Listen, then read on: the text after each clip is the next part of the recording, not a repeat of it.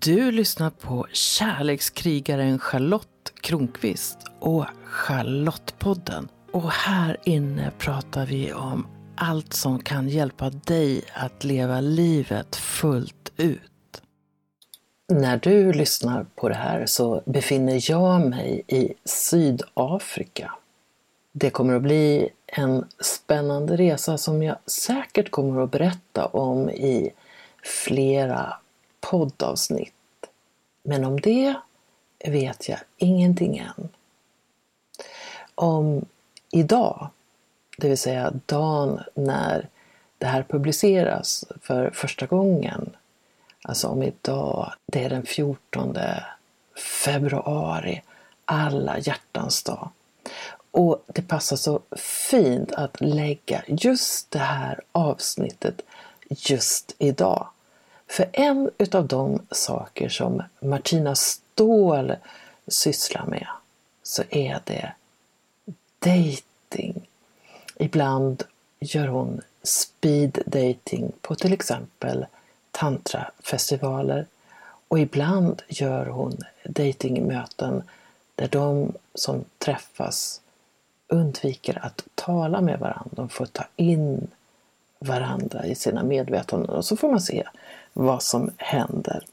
Och någonting som Martina brinner för det är att leva sin sanning och att hjälpa andra också att känna sin sanning.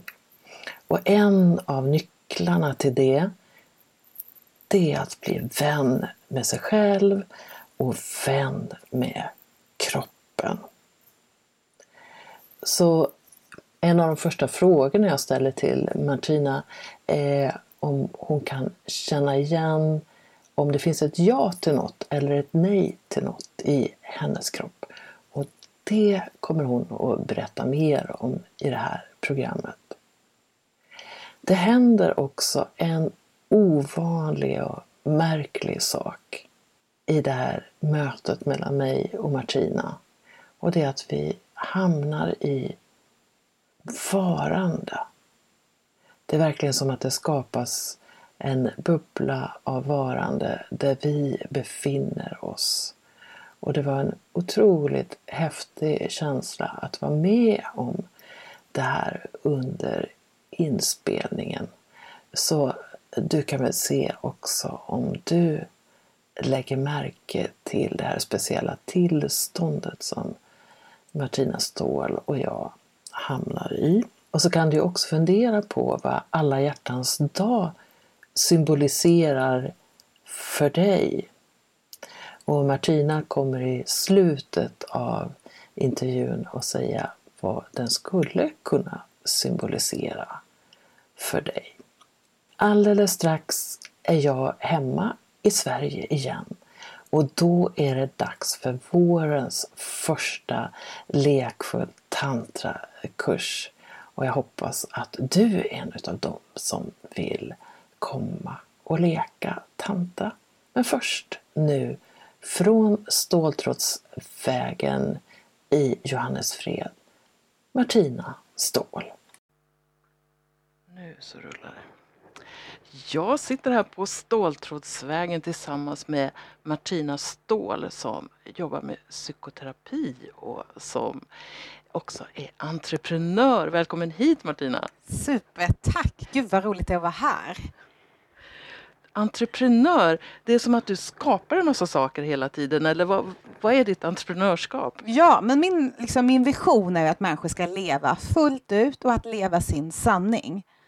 Och utifrån det konceptet eller utifrån den längtan eller visionen så skapar jag precis vad som helst. Och hur kom du på det? Ja, men det har liksom bara kommit liksom automatiskt. Okej. Okay. Utan det har kommit gradvis. Jag började min karriär 2014 med att hålla workshop om intuition. Men hur kan vi känna ja och nej i kroppen? Utifrån... Hur, kan, hur kan vi känna ja och nej i kroppen? Ursäkta att jag avbryter det men jag blir så här. Ja, men det är skitlätt. Okay. Men folk lyssnar inte på det. Jag kan bli helt tokig ibland. Jag bara, men, så här, så att, ett ja för mig, det är bubbligt, det är energi. Kroppen öppnar sig. Jag kan känna liksom en pirrighet, jag kan känna ett leende. Ibland riktigt starka ja så får jag till och med tårar bakom ögonen. Så här sanningsjag. Ja. Wow. Och känner du ett nej lika tydligt? Ja, det känns som att liksom, då stänger sig bröstet, hjärtat. Många får också liksom spänningar i muskler, de känner sig helt dränerade, energin försvinner, det kan bli svårt att andas. Och kroppen liksom kontraherar. Nu sitter jag och gör så, så det ser ju inte ni, men kroppen liksom drar ihop sig och talar ju om, men här är ett nej. Så det handlar om att både upptäcka det och lita på det? Ja. Jag följer ju allting. Om jag ska göra ett nytt event så är det så här, finns det energi och glädje, då gör jag det. Och känns det liksom så här, försöker göra någonting för att tjäna pengar eller någonting, det funkar ju inte alls. Utan det måste ju finnas den här glädjen i det jag skapar. Och det var det du kom på för fem, sex år sedan då? Att... Ja. Jag skrev min C-uppsats om eh, somatiska kroppsliga markörer baserat på Antonio Damasios teorier. Det vet jag inte vem det är. Nej, men det är en neuro, neurokirurg. Så han undersökte ju folk då och tittade på olika kroppsliga markörer för beslutsfattande. Men gud vad spännande! Ja men det här är ju askul. Så jag blev ju helt besatt av det här och så satt jag och pratade med en kompis och så började vi diskutera det här. Hon skulle få två olika jobb. Det ena var liksom så här prestigejobb och det andra var på ett mindre universitet. Men hela hennes liksom, kropp ville ha det här på det mindre universitetet. Då kände hon sig glad, hon kände tårar bakom ögonen. Så vi bara, men det är någonting här. Det finns i kroppen. Och om du tittar på vår kognitiva kapacitet så är den ju ganska begränsad. Så de flesta människor gör, de håller på och ältar allting så här i oändlighet. Ska jag göra det här eller ska ah. jag inte? Och då brukar jag lära folk att ställa sig på kuddar. Ska jag göra A eller B? Så till exempel om, om jag ska göra en workshop. Det är så här, ska jag göra den här, embodied conscious meeting? Och så bara, oh, och så ställer jag mig på den kudden och bara visualiserar att jag håller den workshopen. Då bara känner jag den här expansionen i mig och en glädje och en energi liksom. Och sen kan jag hitta på någonting annat. Ska jag göra det här? Och så bara, nej, kroppen säger nej. Så då visualiserar jag att jag är i de här situationerna. Och då talar kroppen om precis vad jag ska göra. Och vad fick dig att börja lita på det här? Var det att du hade hört den här forskaren eller hur, hur, hur föddes din tillit till din Jag kunde backa och börja titta på när jag hade tagit riktigt bra beslut. Som när jag köpte min lägenhet som jag fortfarande älskar över allting i hela världen. Nu blir jag så berörd, jag pratar om den. Så fick jag de här tårarna i ögonen. När jag gick in i lägenheten så var det så jag grät.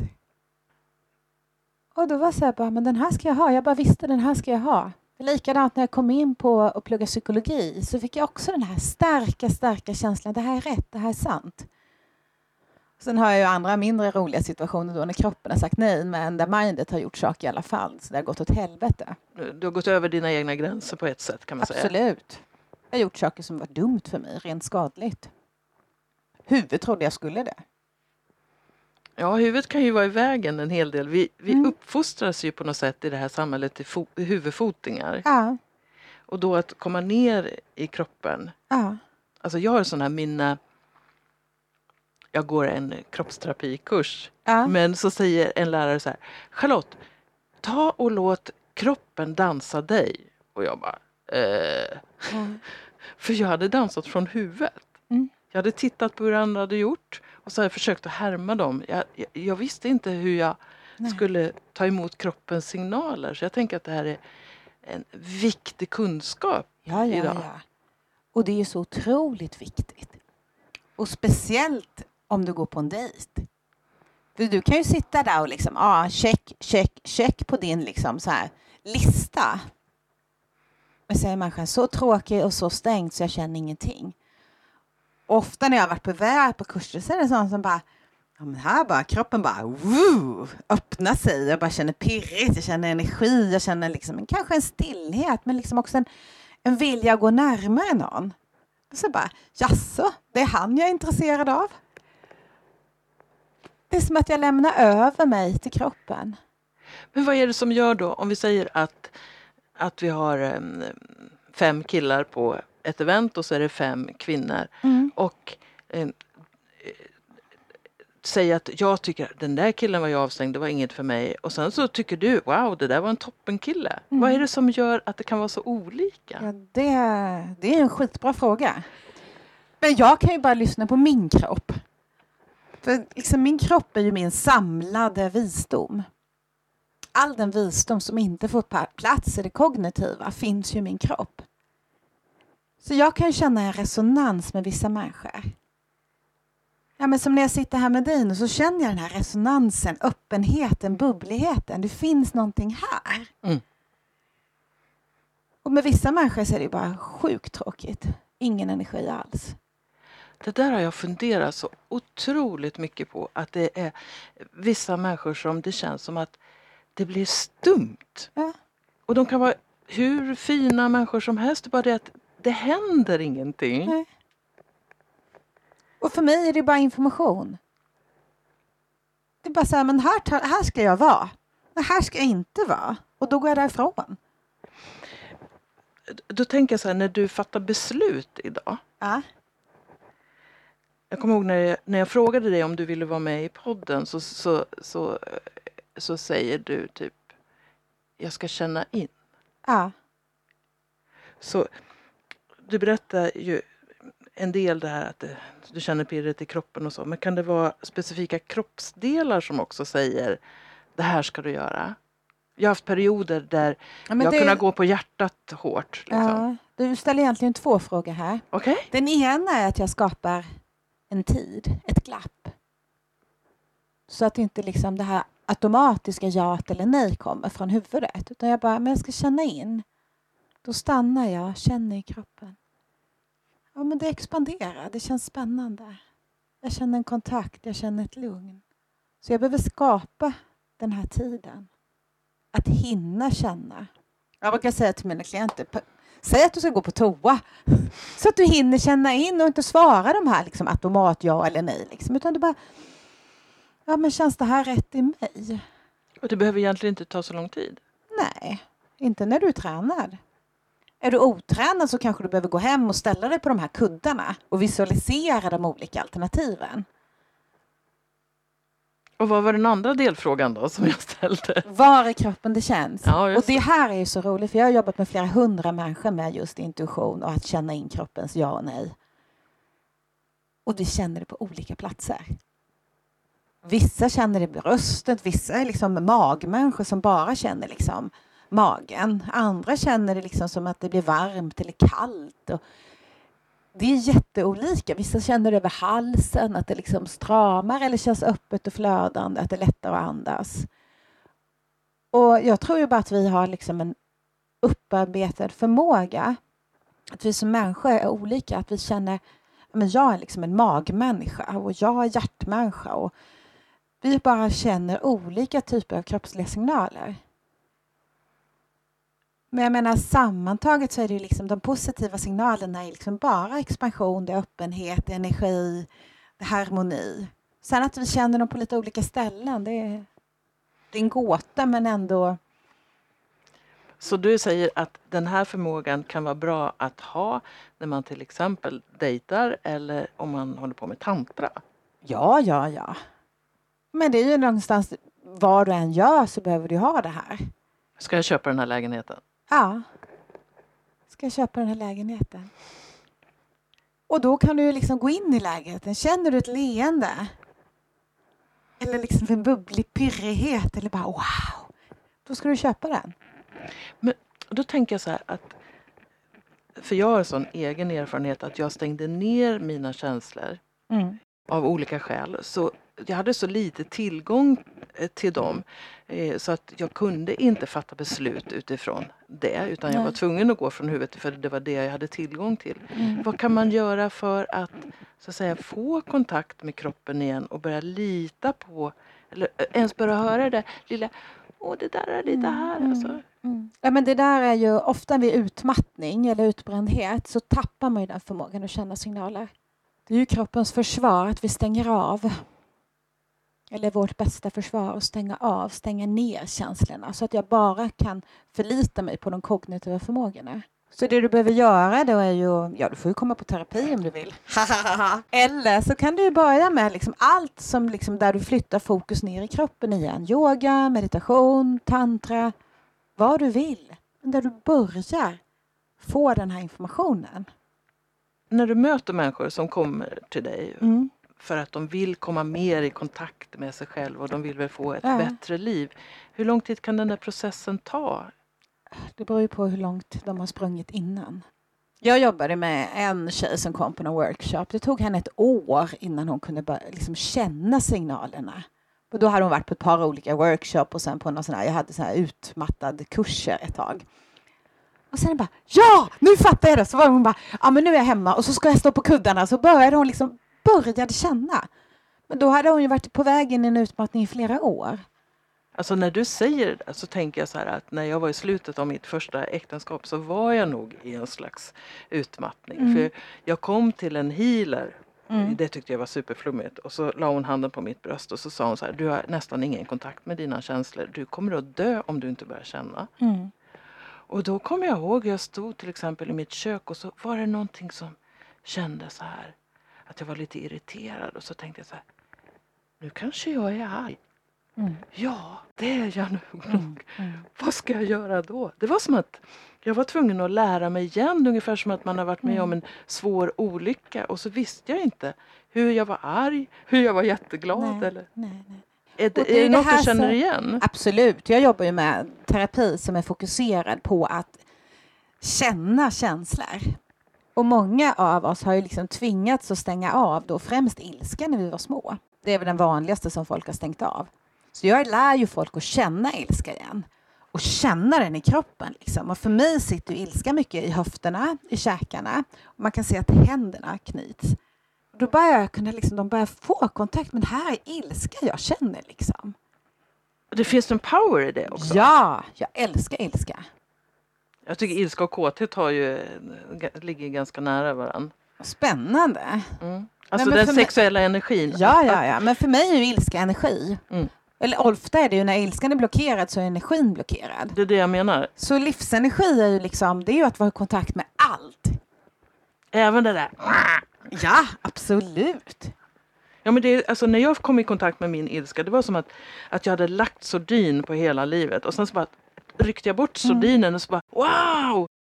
Jag kände mig mycket mer levande och sen behövde jag inte gå omkring och vara arg. Det var inte det utan det var mer att erkänna att det här fanns och Mm. känna det i Ja, men kroppen. ilska är ju bara för att skydda självet. Den talar om att någon har gått över min gräns.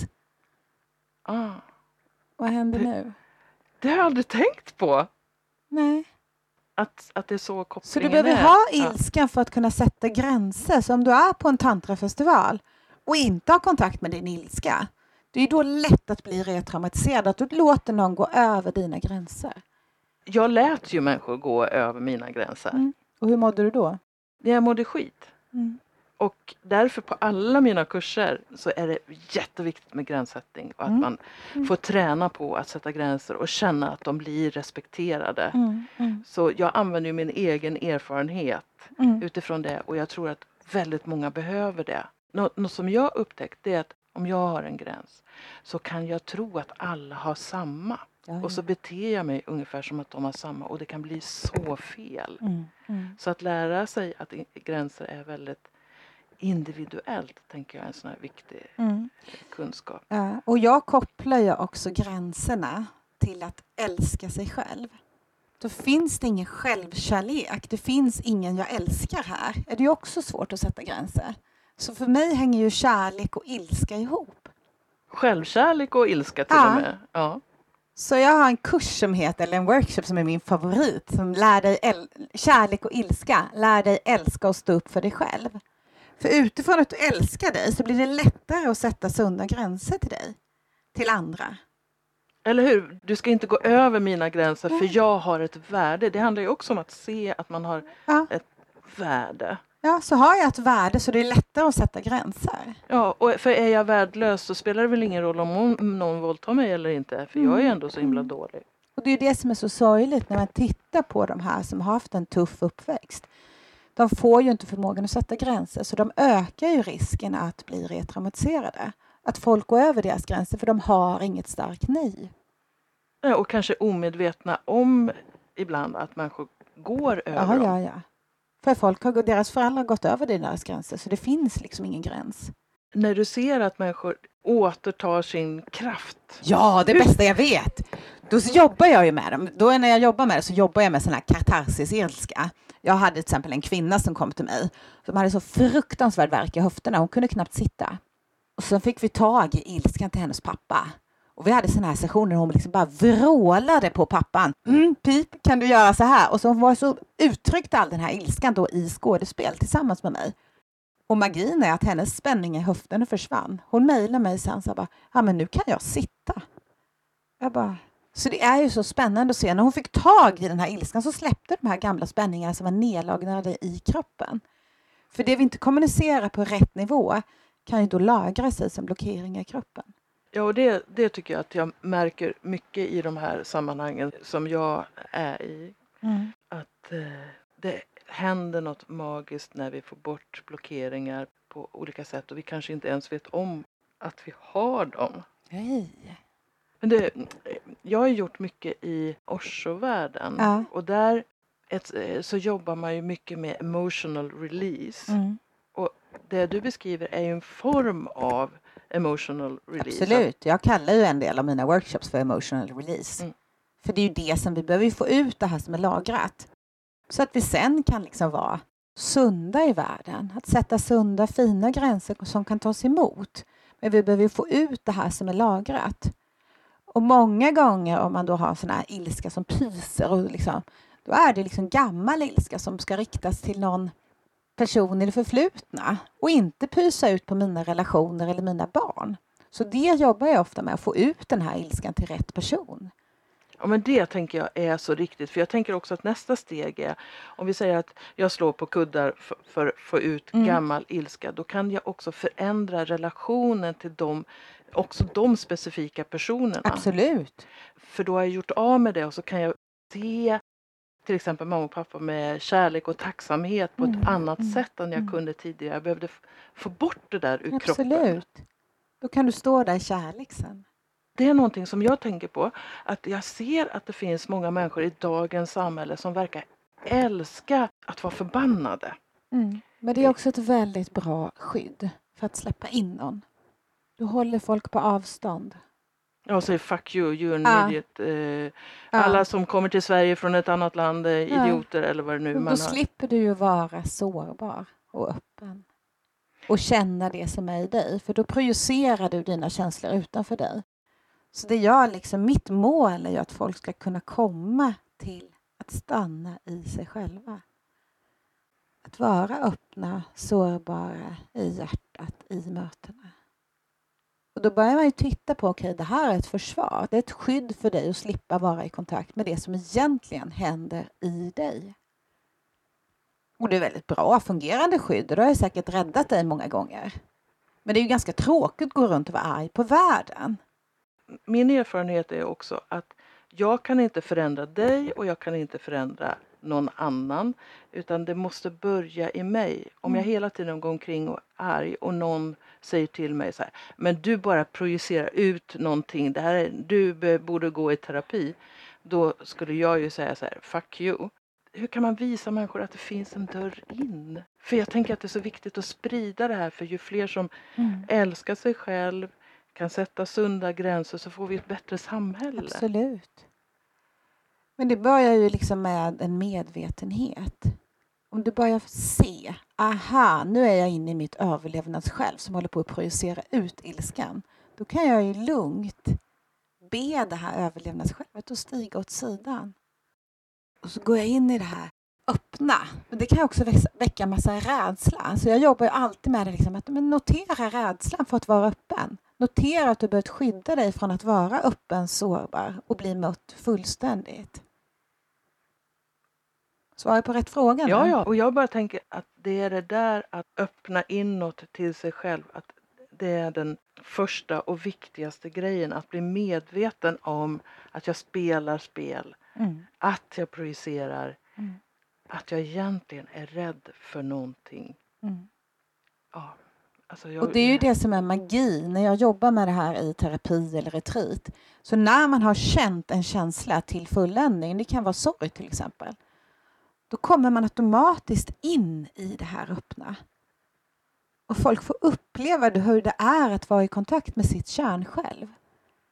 För det är kärnsjälvet i oss är ju det som inte är rädd eller arg eller någonting, utan det är ju bara i kontakt. Och det många människor säger, det är så här bara, ja men det här är ju jag. Mina tankar stannar. En slags tomhet. Nej, en klarhet skulle jag säga.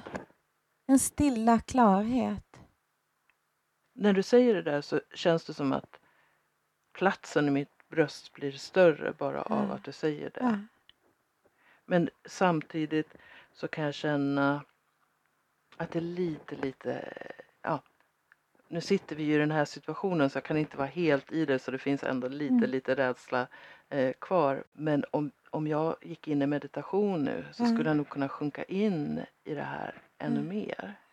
Och när vi bara låter den här rädslan gå åt sidan. Vi noterar den, så är det okej att du är här. Och bara öppna till det här stilla. Nu får jag tårar i ögonen. Mm. Och så blir det som att den inre rymden blir Mm. enorm. Det är som att kliva in i en katedral och så är jag som ett här, nästan som ett dammkorn i den där katedralen. Wow, så är det för dig att vara där. Ja. Och den kan jag välja ibland att gå in i Mm. också. Och det är ju lite det som är meningen med det arbetet jag gör, att guida folk till den här platsen. Så att guida folk till den här stillheten är för mig magin. Wow. Där vi är just nu, jag känner det också, det är liksom helt stilla. Jag kan också känna som att, att det är ljus som strålar ner över oss Mm. som ett sätt att hedra på något sätt den här stillheten. Eller bara alltså att, det, Mm. att det känns som att nu är jag i ett större universum Ja, än jag ja. är. Ja. Ja, min upplevelse är att du blir helt stilla. Ja. Och att det är liksom som att det expanderar här. Ja. Vi bara är. Och jag tänker att det är det här som är varandet. Det är ju hit vi vill nå. Att leva från denna plats. Och vad ger det oss möjlighet att göra då om vi har tillgång till den här platsen? Vad gör det för dig? Men för mig gör det ju det här att jag kan vara med det som är. Så när jag har den här platsen så kan jag ju liksom jag kan bli triggad och jag kan bli ledsen. Men för mig, jag kan bara känna känslorna. De är inte farliga. De talar ju bara om någonting för mig. Jag blir liksom inte kidnappad av känslor utan jag finns alltid. Det är som att någonting finns som är större, som är bakom. Som en upplevelse att vara hållen. Så att jag kan liksom se de här liksom vågorna i vardagen. Liksom. Och så finns det här liksom bakom. Som min kärna. Det är helt fantastiskt. Du som lyssnar nu.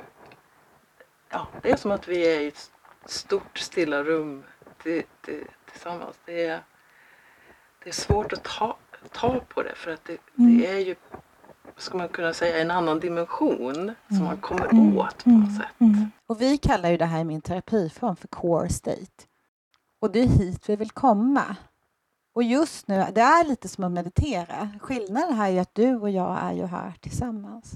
Så vi möts ju på den här platsen. Och då när du har en klient så kan han eller hon eller hen också kanske få hjälp av att du är på den platsen. Ja. Att du också kanske smittar lite Ja, med din absolut. närvaro.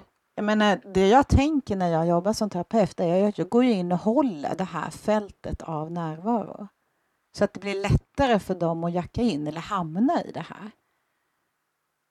Men då funderar jag på, alltså det, är, finns det en ansträngning i det här också för dig att vara i den här närvaron? Alltså hur är du efter en session? Ja, då är jag hög på livet. För någonstans är ju den här platsen är ju så otroligt energigivande någonstans. Eller det är ju någonting. Jag är ju i kontakt med source, med sanningen, vad vi nu kallar det. Men jag är alldeles lugn. Så jag blev aldrig dränerad av terapisessioner. För när vi hamnar i det här stället, båda två, så försöker jag ju stanna med klienten här så länge som möjligt. För det är här läkningen sker. Så att vi övar upp den här muskeln att vara i kontakt med sig själv eller vad det nu kallas, den här otroliga närvaron. Ibland när jag har coachingklienter till exempel så, och, och så har de mycket projektioner, det behöver inte vara på mig och mycket motstånd mm. och så. Då kan jag bli rätt så trött utav det för att det, det, det är mycket att ta emot. Mm. Men jag har inte riktigt tänkt på att man skulle kunna gå ner i det här mm. utrymmet, spacen, vad du vill kalla det för. Mm. Då kan jag, kan jag gissa att jag skulle gå ur mm. energized eh, från det istället för att känna ja, mig lite ja, ja. Men till exempel om jag har process, nu avbröt jag dig, förlåt, men jag, när om jag har då processat ilska med en klient då har jag känt ilskan i hela min kropp, för jag speglar den fullständigt. Så vi har känt den här ilskan, vi har processat den energin och liksom fått ur sig den energin. Och sen då medan vi liksom samtalar om hur det var att vara i den här stationen så droppar man ofta ner, man hamnar i det här stället av stillhet, av kontakt, det här är jag. Så det är liksom som att allt det här som de har liksom känt ilska och så, det bara släpper. Vi har processat igenom det. Om ni skulle se Ma Ma Martinas rörelsemönster här, det, det förstärker verkligen vad du säger. Men mycket handen och så här att sitta i det här, liksom öppna. Så när jag hamnar här, då är ju allting liksom processat. Jag bär ju inte med mig någonting från sessionen. Så jag är helt clean. Och då tänker jag så här, du, du började med det här någonstans 2014, 2015 och så, så småningom så kom du in på dating och conscious speed dating. Ja, men det är ju precis samma sak. Det enda jag vill är att folk ska dejta från denna platsen. Och nu blir jag, får jag de här sanningshistorierna. Jag vill ju att folk ska dejta från den här platsen. Där de inte är styrda av sitt mind eller massa liksom tankar utan att de bara känner närvaron i mötet. Om du har två personer som är i den här närvaron och stillheten, då blir du någon annan. Du blir allt. Det blir ju svårt att inte älska någon från den här platsen. Det enda som krävs är kanske att den andra också är där. För att den känslan ska uppstå. Mm. Jo, men det är ju det som händer ofta när vi möts. Man pratar ibland om att vår innersta essens är kärlek. Så från den här platsen så är ju vi kärlek. Men för mig är någonstans också vår innersta essens kärlek. Och för många människor är det lättare att känna kärlek till hundar eller barn eller så vidare. Liksom. Att känna det till en partner blir ju ofta så här liksom och nu blir jag så här berörd. Men att känna det till en partner är ju ofta då att man blottar sig, tycker många. Att jag har någonting att förlora. Men det är så fruktansvärt tråkigt. Jag blev ju... Jag började ju älska min bästa kompis för förra hösten. Och jag bara kände den här kärleken till honom. Den bara fanns i mig. Och för första gången, eller på riktigt medvetet första gången, kunde jag bara känna att jag känner kärlek till dig. Och bara stanna i. Du behövde inte göra något med det? Nej, jag talade ju om att jag älskade honom. Och så satt jag där, jag älskar dig. Och för mig var det ju bara så vackert att inte begära något svar eller, eller liksom att jag kunde bara stanna, men jag älskar dig. Klarade han att ta emot det då? Ja, han funderade ju på då om han älskade mig. Han kanske inte var riktigt där, men han är helt fantastisk och vi pratade om det. Han tyckte det var fascinerande hur jag kunde bara stanna i kärleken. Utan rädslan. Alltså det låter så fantastiskt. Kärlek utan rädsla. Ja. Ibland när man talar om sårbarhet så är det som att man pratar om att blotta sig. Jag är i en fas i livet där jag öppnar mig mer och mer för min partner. Det känns som att snart finns det ingenting kvar att visa. Jag tycker dels att det är en gåva till mig själv men också att det är som en gåva till honom. Här får du se det som är jag. Ja, och det är ju kärlek. Jag säger inte på det sättet, jag liksom bara är. Mm Men då är du så trygg att du kan vara fullständigt transparent. Ja. Och då får ju den här kärleken plats. För den spelar ju inte längre ett spel att jag ska ha det här av honom. Nej. Utan din kärlek är ju bara som, den bara strålar ju ut, tänker jag. Ja, och ibland kan jag känna att den bara strålar ut rent bokstavligen från kroppen. Så att någon som är känslig för andras energi skulle kunna känna det. Ja, ja, absolut. Men en av mina liksom, bästa övningar när jag kör workshops är ju att boosta folk med kärlek. För att det är svårt att känna den här kärleken inuti dig själv om du inte först har fått den av någon annan. Så vi har ju sådana övningar den ena är liksom the channel of love eller någonting sånt där. Den är kanalen. Den är bara ren kärlek och så bara ger man vackra saker till varandra. Bara, men du är fantastisk, jag älskar dig. Och man säger alla de här sakerna så kan ju folk ta emot olika mycket av det här. Men när du börjar kunna ta emot att bli översköljd med kärlek, det händer ju någonting i dig. Det här självvärdet eller självkärleken börjar liksom brista upp. Det börjar liksom växa. Och de här, liksom, jag pratade med någon sist på kursen, och han sa att det blir liksom sprickor i den här muren där jag kunde ta in kärlek. Jag ser det på ungefär det sättet att när jag var avstängd och rädd så uppfattade jag inte att andra människor försökte ge mig kärlek. Mm.